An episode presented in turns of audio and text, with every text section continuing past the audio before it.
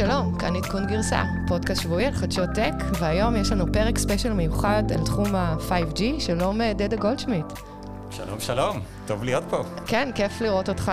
דדה הוא מנהל ההשקעות של קרן סמסונג uh, קטליסט בישראל ובאירופה, וגם uh, חבר טוב מהאקוסיסטם, שתמיד כיף לפגוש, ובטח בתקופת קורונה לא התראינו כמה חודשים. וואו, וואו, וואו, זה פברואר, ינואר. כן, הרבה זמן. אז uh, היום יש לנו, כמו שאמרת, פרק מאוד מיוחד. כולם שומעים על 5G, תחום שנמצא בכותרות uh, של כל חדשות ההייטק, uh, בוובינארים, בכתבות, בתוכניות טלוויזיה. אז, אז השאלה שלנו, האם באמת uh, תחום ה-5G uh, הופך uh, למציאות? אנחנו ננסה להבין בפרק הזה מה זה אומר 5G, הדור החמישי של רשת הסלולרית, גם מבחינת הטכנולוגיה, גם מבחינת הפריסה, מבחינת המשתמשים, ובטח השימושים, איזה use cases אנחנו יכולים uh, לראות ולבנות. Uh, וכמובן, ננסה לפנות uh, לקהל הסטארט-אפים הפרטים הישראלי, דדה הוא גם אה, משקיע, אה, ולספר להם באמת אה, מה חסר ולאן כדאי שיהיו מועמדות פניהם. אז דדה, מעבר לזה שאתה משקיע בהמון תחומים, סמסונג באמת, אם אתה רוצה לתת לנו כמה מילים על מה סמסונג עושה בישראל, אז אני אשמח לשמוע. כן, קודם כל קשה להתרכז, יש פה כזה נוף מדהים מהחלון. כן, היום אנחנו משדרים מוורטקס, ונצ'רס, קרן הון סיכון, בקומה 29, בבניין מהמם בתל אביב. כן, אז ממש כיף להיות פה. אני בקרן קטליסט, סמסונג קטליסט, שהיא אחת הקרנות, צריך להגיד, של סמסונג, תכף אני אגיד כמה מילים על הקרנות האחרות. אנחנו משקיעים בכל השלבים, בסטארט-אפים בכל השלבים, בתחומי הדאטה, AI, באופן כללי deep tech, במגוון תחומים, רפואה דיגיטלית, ותשתיות לענן, וה data center, והרכב, והאבטחה, ו-5G. ורובוטיקה ועוד אה, תחומים. כל דבר בעצם? כל באיזה דבר. שלבים אתם משקיעים? אנחנו משלבים, משקיעים בכל השלבים. אה, שווה לציין שיש לנו עוד שתי קרנות שמאוד פעילות פה. בכלל, ישראל מאוד מיוחדת מבחינת סמסונג. אה, יש לסמסונג המון כלים לעבוד עם האקוסיסטם, והם כולם פעילים בישראל. אין עוד הרבה מקומות כאלה בעולם, יש גם בקליפורניה. אז הקולגות שלי, יש גם בסמסונג ונצ'ר, שהיא קרן שמשקיעה, וגם סמסונג נקסט. מדהים, כן. אנחנו תמיד באיזשהו כנס, יש מישהו מסמסונג, ו... כן. אנחנו גם בכיס של בערך הרבה מהסטארט-אפים. חלק גדול מהאוכלוסייה, בכיסים עם הטלפון שלנו. גם בכיסים וגם בכיסים. וגם. וגם הרבה אקזיטים בזמן האחרון. כן. אז אנחנו, אני ודדה נפגשנו עכשיו ודיברנו על העבודה מהבית בקורונה, ולא ראיתי אותו כמה חודשים, וכמה זה קשה, וכמה אינפורמציה בעצם עוברת דרך, דרך כל הרשתות תקשורת, וזה מוביל אותנו ישירות לרעיון הזה של לדבר על 5G. אז דדה, 5G, הדור החמישי של רשת הסולולרית, תחילת פריסה ב-2019, מחליף את ה-4G, לא מחליף את ה-4G, בוא, תן לנו כמה מילים, אה, מה זה, ל, ל, באמת חלק מהמאזינים פחות, אה, פחות מכירים. כן, אוקיי. אני חושב שלשנינו יש רקע אה, מדעי טכנולוגיה, אני צריך להיזהר לא ללכת יותר מדי לא יותר מדי עמוק, אבל טכני. אפשר גם. אבל באופן כללי, הדור החמישי, מה הדור החמישי? שמענו, היה הדור השני והדור השלישי וכו', מה, מה זה כל הדברים האלה? אז יש ככה איזושהי דרך להסתכל על זה, היה לנו את הדור הראשון לפני המון המון שנים. אפשר לחשוב על זה כמו שהיינו הולכים ברגל, כן? הייתה רשת אנלוגית. הדור השני, המצאת הגלגל, האופניים, כן? זה הדור הראשון שבו היה מעבר ל- לרשתות שהן דיגיטליות, הופיע אס.אם.אס, אה, וגם תקשורת נתונים בקצבים מאוד מאוד מאוד נמוכים. הדור השלישי, הרכב הממונע הראשון, אה, עידן הדאטה בסלולר, אה, והיו לנו קצבים מאוד מאוד מהירים, 1 מגביט לשנייה. הדור הרביעי, זה כבר הרכב של ימינו, רשתות IP, קצבים מאוד מהירים, אפשר להגיע ל-100 מגביט לשנייה. ומה זה הדור החמישי? הדור החמישי, הדרך לחשוב על זה, בעינינו, זה ממש המעבר לתעופה. זה להתרומם מהקרקע, זה לא הליכה ולא אופניים ולא רכבים. זה, זה מטוסים ממש... או מכוניות מעופפות? זה רחפנים ומטוסים בגבהי טיסה שונים, מכוניות מעופפות. זה מעבר, דרך אגב, משירות רק לאנשים, טלפונים ניידים, לחיבוריות מלאה של טלפונים ומכשירים, ו- ובתעשייה, ורכבים ובתים, אנחנו נדבר על כל הדברים האלה, אבל זה ממש קפיצת מדרגה, זה לא, אה, זה לא ככה עוד אה, מהלך עוד שיווקי. שלב, עוד, עוד שלב, אה, תעברו ל-4G, כי אנחנו... כדי שתקנו... כן. תקנו. אבל הבנתי שמבחינת התשתית עצמה, אז uh, גם ב-5G בעצם הרשת הסלולרית מחולקת לתאים באזורים גיאוגרפיים מסוימים, ובכל תא מגדל כזה, או אתה יודע, משהו שנמצא על איזשהו עמוד חשמל, יש בעצם uh, מספר מסוים של אנטנות, ויש טרנסיבר ששולח ומקבל את האינפורמציה, uh, והכל מבוסס על uh, גלי רדיו, uh, נכון? על ויירלס שהוא עם גלי רדיו. Uh, אז זה קצת אותו דבר כמו 4G, לא? יפה מאוד. אז מצד אחד מאוד דומה, קודם כל יש בשניהם את ה-G הזה, אה, שבא אחרי הספרה, אבל האמת היא שב-5G, הסיבה שאנחנו מדברים על זה כעל קפיצת מדרגה ממש, זה שיש כמה דברים שהם שונים בצורה דרמטית אה, למול אה, הדורות הקודמים. קודם כל, דבר אחד נוגע לקצב, זאת אומרת ב-5G מבחינה תשתיתית יש יכולת להעביר קצבים שהם בסדרי גודל יותר גדולים. למה זה נובע? ממה זה נובע? זה בעצם נובע ממשהו שהוא קצת יותר מדי טכני אולי, אבל uh, ב-5G בעצם uh, נכנסים לשידורים גם בתחומי תדרים אחרים לגמרי, זה נקרא הגלים המילימטריים, ששם יש קיבולות שהן uh, עצומות. זה, זה הבדל אחד. כן. יש פה, יש פה בעצם שני פרמטרים גדולים ששונים ב-5G. אחד זה ה-bandwidth, נכון? שאתה יכול להסביר בעצם מה זה אומר?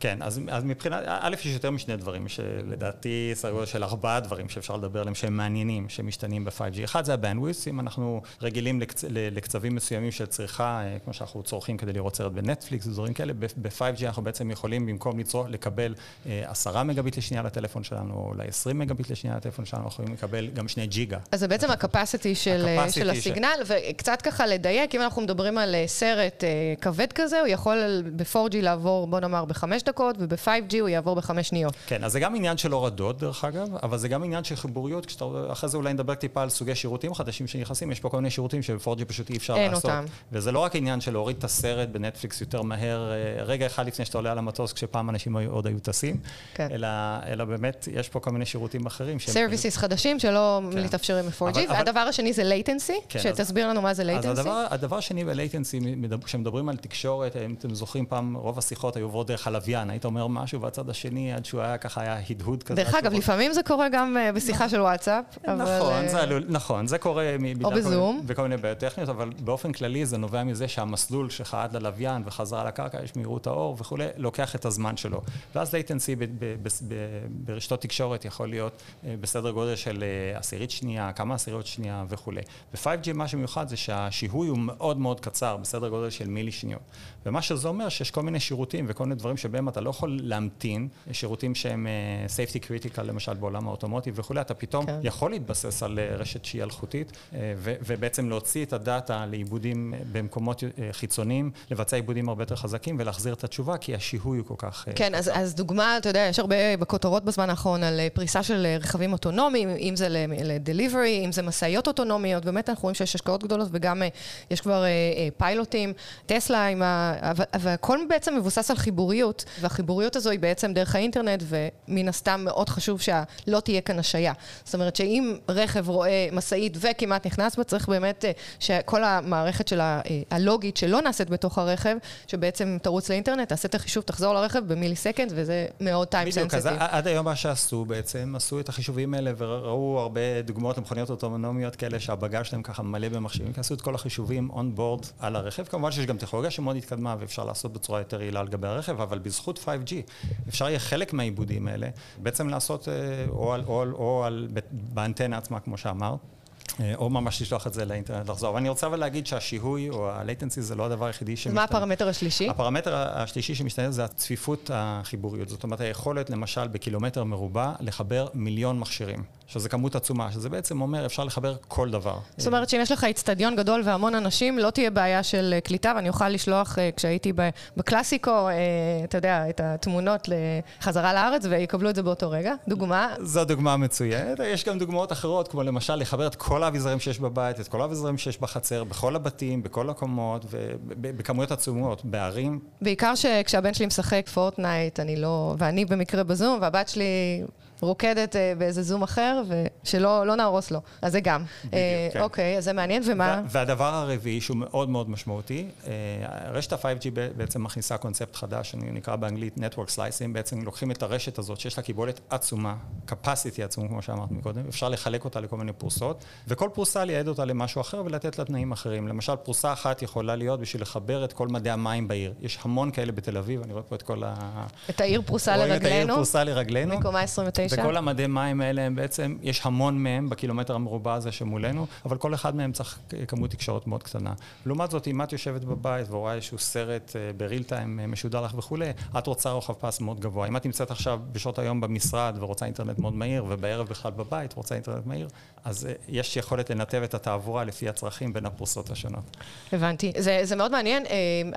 קצת רציתי לתת כן מספרים, אולי זה קצת טכני, אבל יש שלושה תדרים עיקריים ב-5G. אה, התדר הראשון זה לואו low band, שהוא קצת יותר מהיר מה-4G, מדברים על 600 עד 700 מגה הרץ, שבעצם ה-4G הוא משהו כמו 30 עד 250.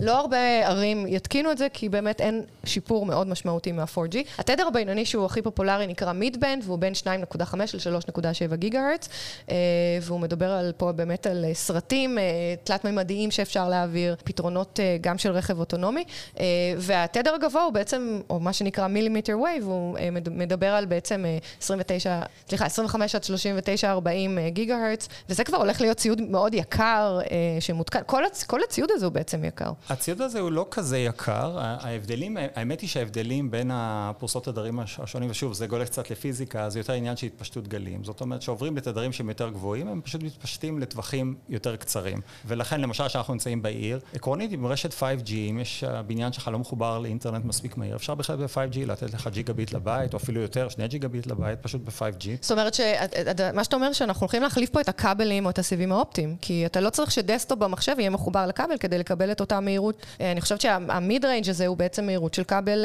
שנכנס לך לטלוויזיה. זו נקודה מצוינת. זאת אומרת, בבתים, אם באיזה כבר פרסה סיבים אופטיים וכולי ואתה מחובר, זה הכל טוב, אבל קודם כל יש אזורים שבהם אין את התשתיות, ו-5G במידה מסוימת גם עוזר לשוויוניות מסוימת. לדלג על ה... אזורים שאליהם לא הגיעה התשתית, אפשר לחבר. אבל מעבר לזה, מסתכלים, וזה אמר מנכ"ל VMware, לאחרונה, שלהערכתו לאורך זמן 5G בכלל יוכל להחליף את הווי-פיי בארגון. כי בעצם 5G זה, זה דבר שהוא מאוד תקני, ברגע שיש לך את זה בתוך הלפטופ או בתוך הציודים שלך ואתה הולך לכל מקום בעולם, יהיה לך את החיבוריות הזו, זה קצבים מאוד גבוהים, זה מאובטח, latency מאוד נמוך, יש לזה הרבה מאוד יתרונות, ו- ויש באמת מין מגמה כזאת של הכנסה של 5G דרך רשתות פרטיות, בעצם כדי לכסות ארגונים, וייתכן שיהיה מצב שבו יום אחד זה אפילו יחליף וי-פיי בארגונים. כן, דרך אגב, מה שאמרת, שככל שהתדר יותר גבוה, זה מכסה טווח יותר נמוך, ובעצם אנחנו מבינים שב-5G יצטרכו הרבה יותר תאים, סיילס, והרבה יותר ציוד, יחסית ל-4G וטכנולוגיות קודמות, דבר ש... בכל זאת אומר ציוד, תשתית, נכון. והשאלה היא באמת האם יש מודל עסקי, ונדבר על זה עוד מעט, שהחברות, הספקיות שירות, אם זה ורייזון או AT&T או T-Mobile או, או אחרות, באמת יכולות לחייב יותר בשביל לקבל את השירות הזה. אבל לפני זה אנחנו, אתה יודע, דיברתי על, על שחקנים גדולים, מי בעצם מתקין את ה-5G? מי, מי, מי הלקוחות ומי ה...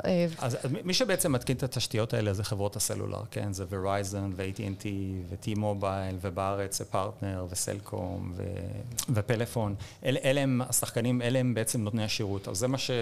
כמו שהיה בדור הרביעי ובדור השלישי ובדור השני. אבל מה שמיוחד ב-5G, זה שב-5G, כמו שאמרתי קודם, יש גם את הכניסה של הרשתות הפרטיות. זה בעיקר לארגונים, זה יכול להיות למפעל, למשל, שרוצה לחבר את כל האביזרים במפעל, זה יכול להיות חברה שרוצה לחבר את כל ההתקנים, הדפסות וכולי שיש לה במפעל.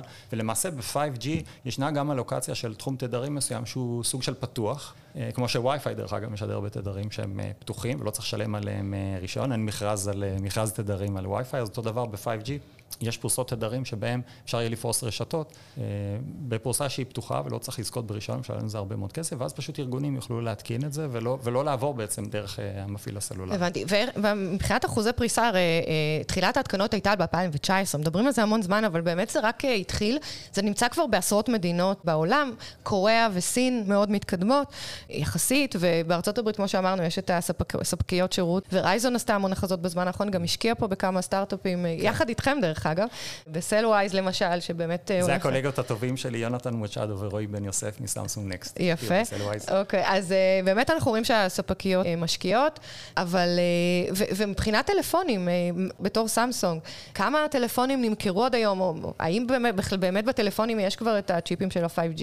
יש תמיכה כבר ב-5G בחלק מהטלפונים, אנחנו לא נכנסים לכמה יחידות בדיוק נמכרו, אבל כן אפשר להגיד שלפי מחקרים שיש בשוק, הציפייה היא שעד 2025 יהיו כבר 1.2 מיליארד מכשירים מחוברי 5G, אבל, אבל, אמרת את זה יפה מקודם, 4G עדיין לא פרוס בכל המקומות, כן? אם מסתכלים באירופה, אירופה בהיבט הזה, דרך אגב, שהיא בעצם, הסלול, היא כמעט אביה GSM, כן? הדורות הראשונים. באירופה למעשה, ה-4G עדיין מותקן רק בצורה חלקית, סדר גודל של 70 אחוז כיסוי, כך שהם עוד לא סיימו לפרוס את ה-4G, כן מתחילים לפרוס את ה-5G, יש כמה מדינות שבהן זה הולך יותר מהר, למשל בשוויץ אני חושב שהפריסה היא בקצב הרבה יותר מתקדם, ולמעשה קוריאה אחת המתקדמות בעולם, גם בארצות הברית יש המון המון פעילות, צריך להבין שארצות הברית היא ארץ עצומה. עצומה. כיסוי של רשתות אלחוטיות דורש המון אנטנות ו- ותחנות. בעיר זה יותר קל. ארה"ב יש גם המון highways וכולי, שם זה קצת יותר קשה, ומשקיעים בזה הרבה מאוד. אבל אפרופו השקעות, אם אפשר, אחד האתגרים שיש פה סביב ה-5G, יש פה המון פרוסות תדרים. כמו שאמרת קודם, יש את התדרים הנמוכים, ובאמצע, והמילימטריק ווי וכולי. מאוד יקר לקבל רישיון לכל הדברים האלה. סדר גודל במדינות אירופאיות גדולות, הרישיון שמפעיל, אם לוקחים את סך כל מה שהמפעילים שילמו בשביל אה, זכות להשתמש בתדרים האלה, זה מיליארדי יורו, כן, מיליארדי, מיליארדי דולרים. זה מצד אחד. אה, דרך אגב, בארץ כל מה ששילמו בינתיים זה מאות, או התחייבו במכרזים, זה מאות מיליוני שקלים, אבל זה גם לא על כל פרוסות התדרים, אני מאמין. אה, אבל זה רק חלק מההשקעה. החלק השני מההשקעה הוא באמת, כמו שאמרת, יש פה שדרוג של כל תחנות הבסיס, כל הציודים האלה שהם ליד האנטנות, וזה לא רק זה, יש פה גם מקטעים בלב הרשת, תכף נדבר על זה. יש פה השקעה מאוד גדולה, ואז השאלה היא מה... מה יהיה השימוש שיצדיק את הדבר? מה האינסנטיב באמת אה, של, אה, של המתקינים, של ה-service providers, לשלם את כל התקציבים אז, האלה? אז 5G באמת מאפשר המון דברים שלא היו לנו קודם, וזה גם חלק מהקפיצת מדרגה. זה החל כן. מחיבוריות לרכבים בקצבים אה, מאוד מהירים, אבל גם נלך לדברים יותר עתידניים, שאנחנו רואים ככה הרבה מאוד בסרטים. כן, אז, אז אתה יודע, לפני שאנחנו עוברים לשימושים, רציתי רק להגיד שהם מכרו 200 מיליון מכשירים בעולם שהם 5G enabled, בעיקר בסין, אני ככה מדברת על כותרות אה, אה, אחרונות. כמובן, לא כל מי שקנה מכשיר 5G משתמש ב-5G, כי אין פריסה בכל מקום, אבל uh, מבחינת תשלום, חברת ורייזן למשל, וזה מביא אותנו לדבר רבה, היא קובעה עוד עשרה דולר uh, לחודש עבור uh, שימוש ב-5G, וסך הכל 80 דולר לחודש כל ה subscription הזה, לטלפון הסלולרי. משתמשי 4G צריכים להחליף את הטלפון שלהם? לא צריכים? קודם כל, יש לסמסונג טלפונים מעולים, ואנחנו תמיד ממליצים, כמובן, אבל בלי פרסומות. כמובן, תקנו סמסונג. יש פה, הסוגיה היותר עמוקה, זה שגידול בקצב, הוא, הוא תמיד יש שאלה כמה אנשים מוכנים לשלם זה. אם תחשבי על עצמך, יש לך אינטרנט בבית, תלוי איפה את גרה בישראל, אז יש לך נגיד אולי 50 או 100 מגביט לשנייה, ולפני עשר שנים, אז אולי היה לך חמישה מגביט לשנייה, את משלמת בערך אותו דבר. זאת אומרת, זה שאת מביאה קצב שהוא הרבה יותר מהיר, זה לא נותן לך באמת הצדקה, פשוט כולם מתרגלים שיש קצב יותר מהיר, הם משלמים בגדול את אותו דבר. ויש פה באמת חשש של להיות, אה, מה שנקרא אצל האמריקאים, dumb pipe supplier, כן? מישהו שרק מביא צינורות ולא... ולא ו- עושה כסף. ולא עושה מזה כסף. וה-5G באמת מאפשר המון המון יכולות חדשות. קודם כל כניסה... אז, בוא תס... אז בוא תספר לנו באמת מה, מה השימושים, כי אתה יודע, אני שמעתי על, ודיברנו גם על שימושים ברכבים אוטונומיים, ווידאו גיימינג, ו... ורפואה, אבל בוא, בוא נחדד קצת באמת. כן, אז יש פה, יש פה הרבה משפחות חדשות של דברים שנהיים אפשריים. לא הכל זמין כבר, כי יש פה טכנולוגיות משלימות שצריך לתמוך בהן, אבל קודם כל יש את uh, סוגיית המציאות, המציאות הרבודה והמציאות המדומה. שזה AR ו-VR, זה, זה תחום שאנחנו מדברים עליו הרבה בפודקאסט, נכון. ותמיד אנחנו אומרים, אין לו שימוש. אנשים לא מתחילים להשתמש להשתמש ב-AR/VR יחסית, אה, רוב המשקפיים או ה headsets האלה הם גדולים וכבדים, אה, החיבוריות לא מספיק טובה, ואתה יודע, מי שכן משתמש ב headset, ואנחנו יודעים שגם גוגל ביטלה את הפרויקט שלה, של, אה, של הגוגל גלאס בזמנו, שזה היה אמור להיות מציאות רבודה, מי שכן משתמש זה אנשים יותר בתעשייה, שרוצים, אתה יודע, לעשות design של איזשהו חלק מאוד מסובך עם מישהו שנמצא במדינה אחרת, באמת שניהם לובשים את המשקפיים ורואים את אותו, או באים לתקן משהו בחוץ, חברת חשמל, והם רוצים לראות מול העיניים את ה... את ה לא יודעת, את לוח חשמל ולדעת בדיוק אה, איזה פלאג להוציא. אז, אז אתה חושב שזה משהו שהולך להשתנות בגלל ה-5G? כן יהיה שימוש ל-AR ו-VR עכשיו? אנחנו בהחלט מאמינים שהדברים הולכים אה, להשתנות, וחלק מהסיבה שהדברים לוקחים זמן זה שלפעמים הטכנולוגיה חסרה וגם החיבוריות חסרה. ופה החיבור, 5G מביא את החיבוריות, יש עוד כמה דברים שצריכים לקרות.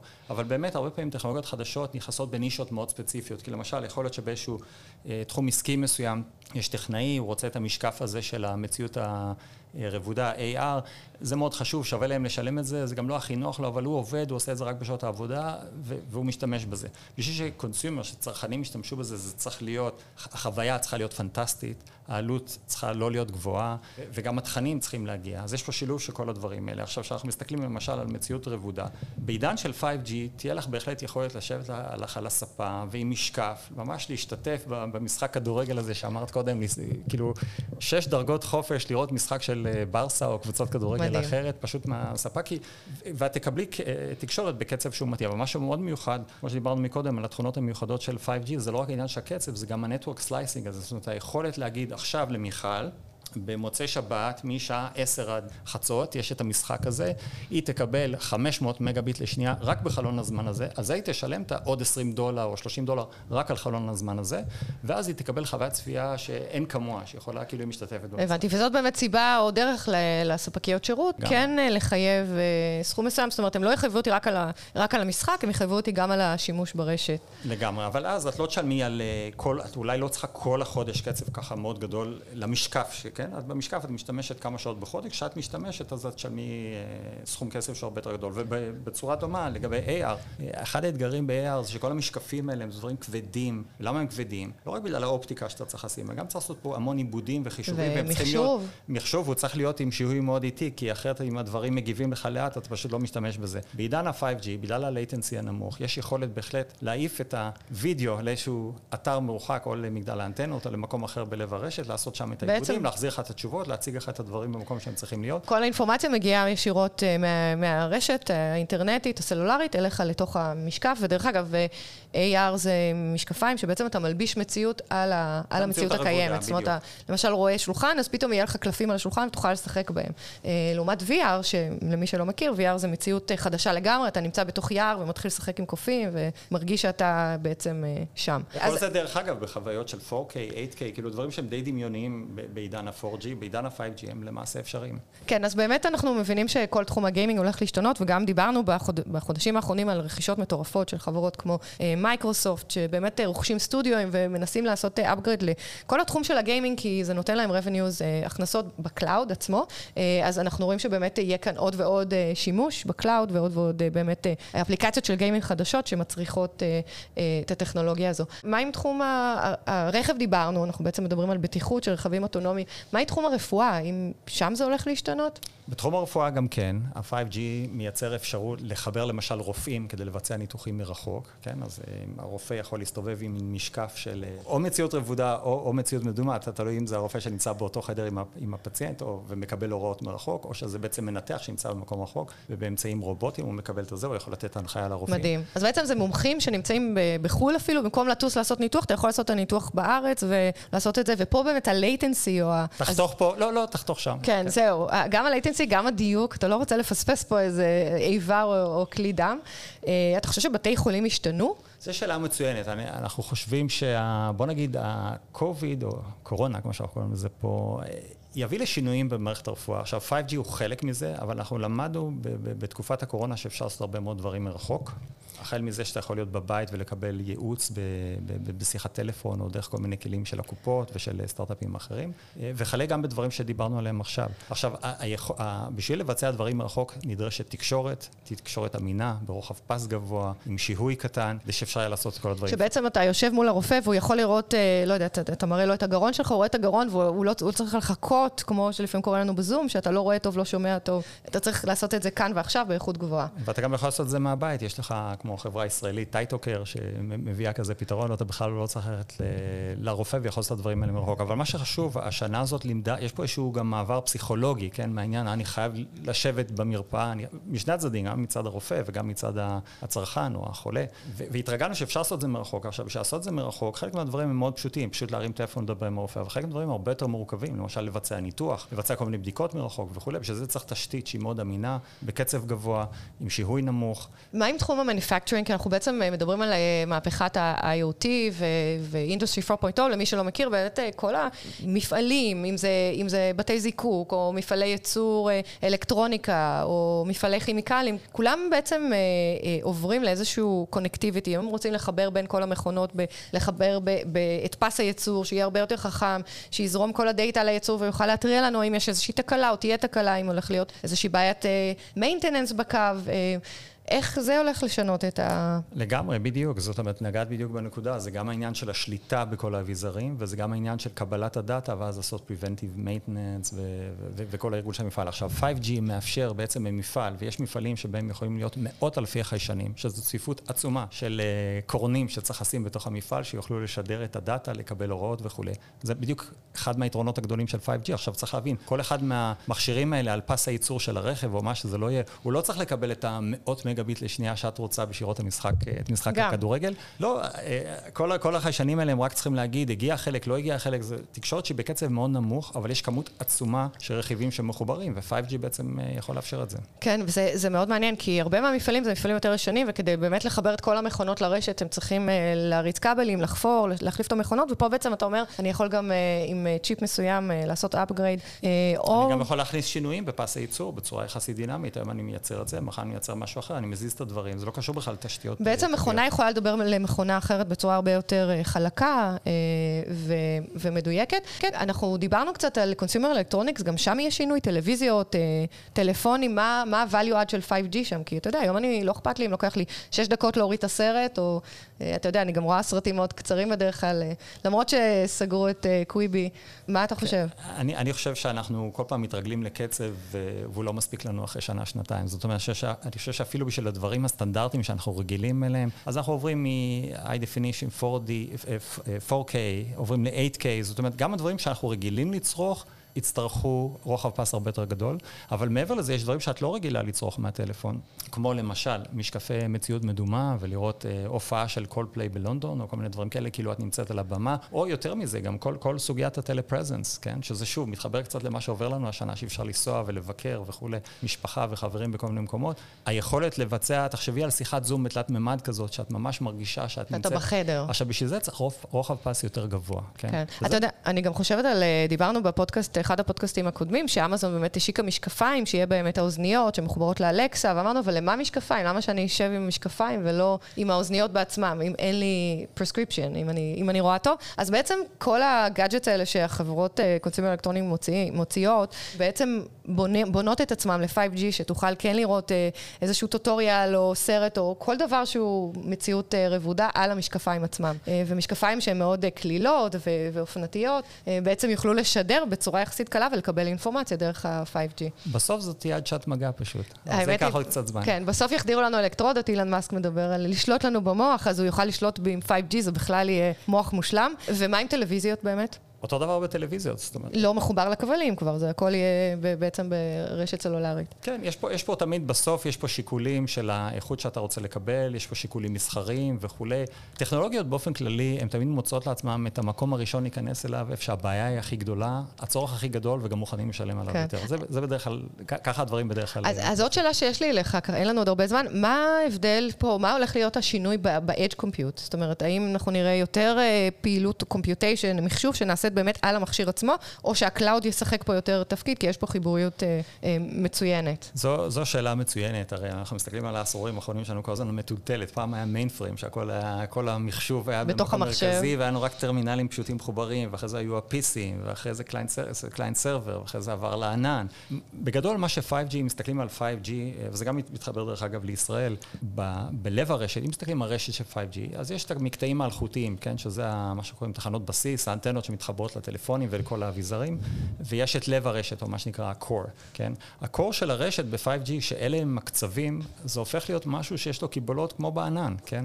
וסתם, ככה אפשר לדבר על חברה ישראלית שנקראת DriveNet, שעובדת, בדיוק פרסמה, עובדת עם AT&T, ומספקת ראוטרים בקיבולות עצומות של סדר גודל של 800 טראביט לשנייה, בשביל לבצע את החיבוריות הזו והניתוב של, של התעבורה. אז מה ש-5G מאפשר לעשות, מאפשר להניע כמויות עצומות של תעבורה. מצד שני, יש הרבה מאוד דברים שאתה מעדיף לעשות את החישוב בצורה לוקאלית, ומכיוון שישנה תשתית כזאת בקיבולת עצומה, אז יש מה שאנחנו קוראים ה-Cloud Edge, זאת אומרת בעצם הענן הוא ככה מתחיל להתפזר, יש את הענן בלב הרשת, אה, ויש מין עננים כאלה קטנים, עננונים כאלה קטנים שיותר קרובים לאזור תחנות הבסיס בשביל אה, לבצע את, את החישובים.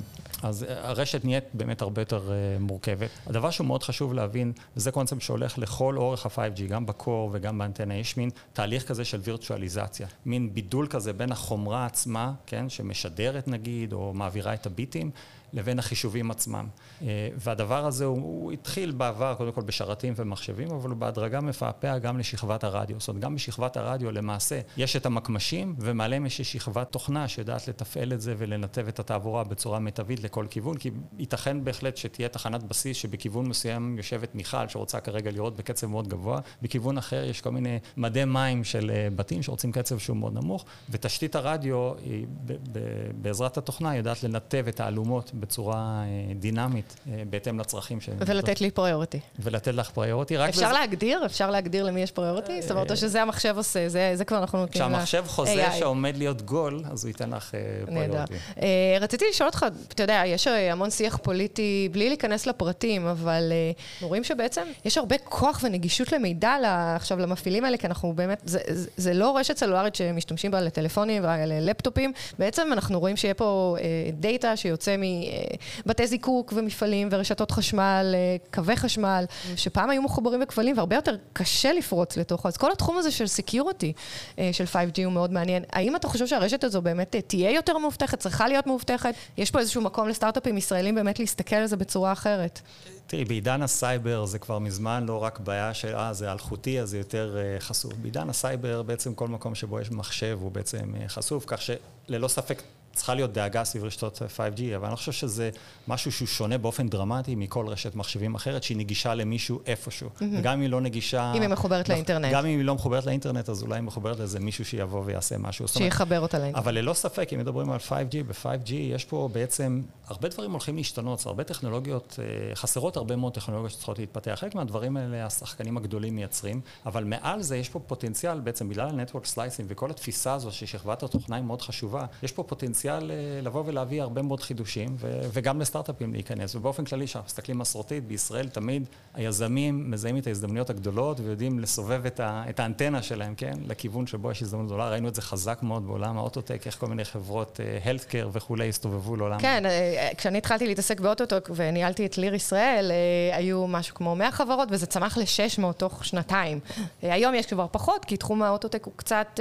הוא מאוד השתנה. אז איך זה נראה בעולם הישראלי? כמה חברות 5 סטארט-אפ עם 5G אה, יש, ובאמת באיזה תחומים נראה לך שמעניין להשקיע? אז, אז, אז יפה, אז זו שאלה טובה, זה קצת כמו שמדברים על AI, אז אומר הרבה חברות, כל חברה היא AI, כן. אז ב-5G לא הגענו לזה, יש להערכתנו סדר גודל של כמה עשרות בארץ שהם ממש פיור פיור 5G, חלק מהם ממש הם ברמה של הסיליקון, כן, של לעשות שבבים חדשים שיאפשרו את, ה... ש... שיאפשרו את זה בעצם, כן, כי יש פה אה, בעיות מאוד מורכבות ברמת, ה... ברמת העיבוד המאוד מאוד מאוד מהיר הזה. וזה זה... צ'יפים שהם גם דיגיטליים וגם אנלוגיים, אני מניחה. כן, יש פה גם אספקטים אנלוגיים, וגם אה, חלק גדול מהעיבוד היום, ברשת ה-5G בוודאי, חלק גדול מהעיבוד אה, מבוצע כבר, אפילו העיבוד של האם לכוון אלייך את האלומה עם הקצב הגבוה, או לכוון את זה אליי או למישהו אחר, אפילו זה מבוצע היום כבר במישור הדיגיטלי, ולא במישור האנלוגי. פעם אלה היו דברים אנלוגיים. זאת אומרת, הרבה מאוד מהדברים עוברים למישור הדיגיטלי. אז זה בעולם הסמי קונדקטור, ובישראל, בסך הכל, בעולמות האלחוטיים ובעולמות של שבבים יש המון עוצמה, אה, והמון יכולת שהתפתחה לאורך השנים. אבל יש גם במישורים שמעל זה, כמו שהזכרתי מקודם, חברה כמו DriveNet, כן, שעוסקת בנושא של ראוט, אה, נתבים מאוד מאוד מהירים ללב הרשת. זאת אומרת, איך אה, לתעדף אה, תעבורה זו או אחרת בצורה יעילה? איך לשנע את התעבורה, שזה כמויות עצומות. יש חברות בארץ, כמו סתם אפשר להזכיר, חברה כמו סגונה או חברה כמו JPU, חברות שמסתכלות על האספקטים שאם אנחנו רוצים לעשות עכשיו רשת פרטית, איך נעשה את זה, כן, איך ננהל את הרשת הפרטית, הרי אנחנו לא רוצים לקחת עכשיו מתג של סלקום ולהניח אותו על מפעל, כן, צריך איזשהו משהו ככה שמותאם בגודל ויכול להיות מנוהל מקומית. זאת אומרת, יש פה המון המון הזדמנויות גם בשכבת התוכנה. אלה דברים שהם לגמרי במישור התוכנה, ואנחנו חושבים שיש פה הרבה הזדמנויות. וגם uh, בתחום הסרוויסס, כמו שדיברנו על uh, רופא מנתח שבעצם עושה ניתוחים מרחוק, אני מניחה שיש פה הרבה אפשרויות בגיימינג, אפשרויות ב... סנסורים, לעשות איזושהי שליטה אה, מרחוק. לגמרי, לגמרי. יש פה גם ברמת האפליקציה עצמה וגם ברמה של פיתוח השרתים, או היכולת נגיד להפעיל את כל השירותים השונים, כן? דבר אחד זה יהיה ממש לפתח את יכולות, ה, למשל, יכולת החישה התלת-ממדית, כמו יש לנו חברה שקוראים לה בפורטפוליו שנקראת מנטיס, אז יכול להיות שחישה בתלת-ממד כדי ליצור את הדמות התלת-ממדית בשביל הטלפרזנס, אבל גם צריך להקים את השרתים שיודעים להניע את, את התעבורה הזאת, כמו, כמו שלזום יש את השרתים שלה, בשביל שתוכלי לקיים נגיד שיחות של טלפרזנס. פרזנס כאלה בתלת מימד, או, או שירותי ניתוחים, או דברים כאלה. כן, או תחום ה-volumetric videos, איך באמת מייצרים את הווידאוים אה, שהם באמת אה, תלת-ממדיים, ווואלה, mm. אה, מאוד מעניין. שמחתי לארח אותך היום, דדה. תם זמננו, לצערי, כי יש עוד המון על מה לדבר. כן. זה בגלל ה-5G, הכל רץ נורא. לגמרי, ובגלל זה שלא התראינו הרבה זמן, אז תודה רבה לדדה מסמסונג, ותודה רבה לנבות וולקה, העורך שלנו, לגלי צה"ל, לדורון רובינשטיין, העורך החדש שלנו אה, מגלי צה"ל, רועי קיליק בעיקר, אה, שהצטרף לגלי צה"ל אה, לא מזמן, ואנחנו רוצים להודות לצופים שלנו, ולוורטקס ונצ'רס מקומה 29. תודה רבה. תודה רבה, ביי. תודה, להתראות. ביי.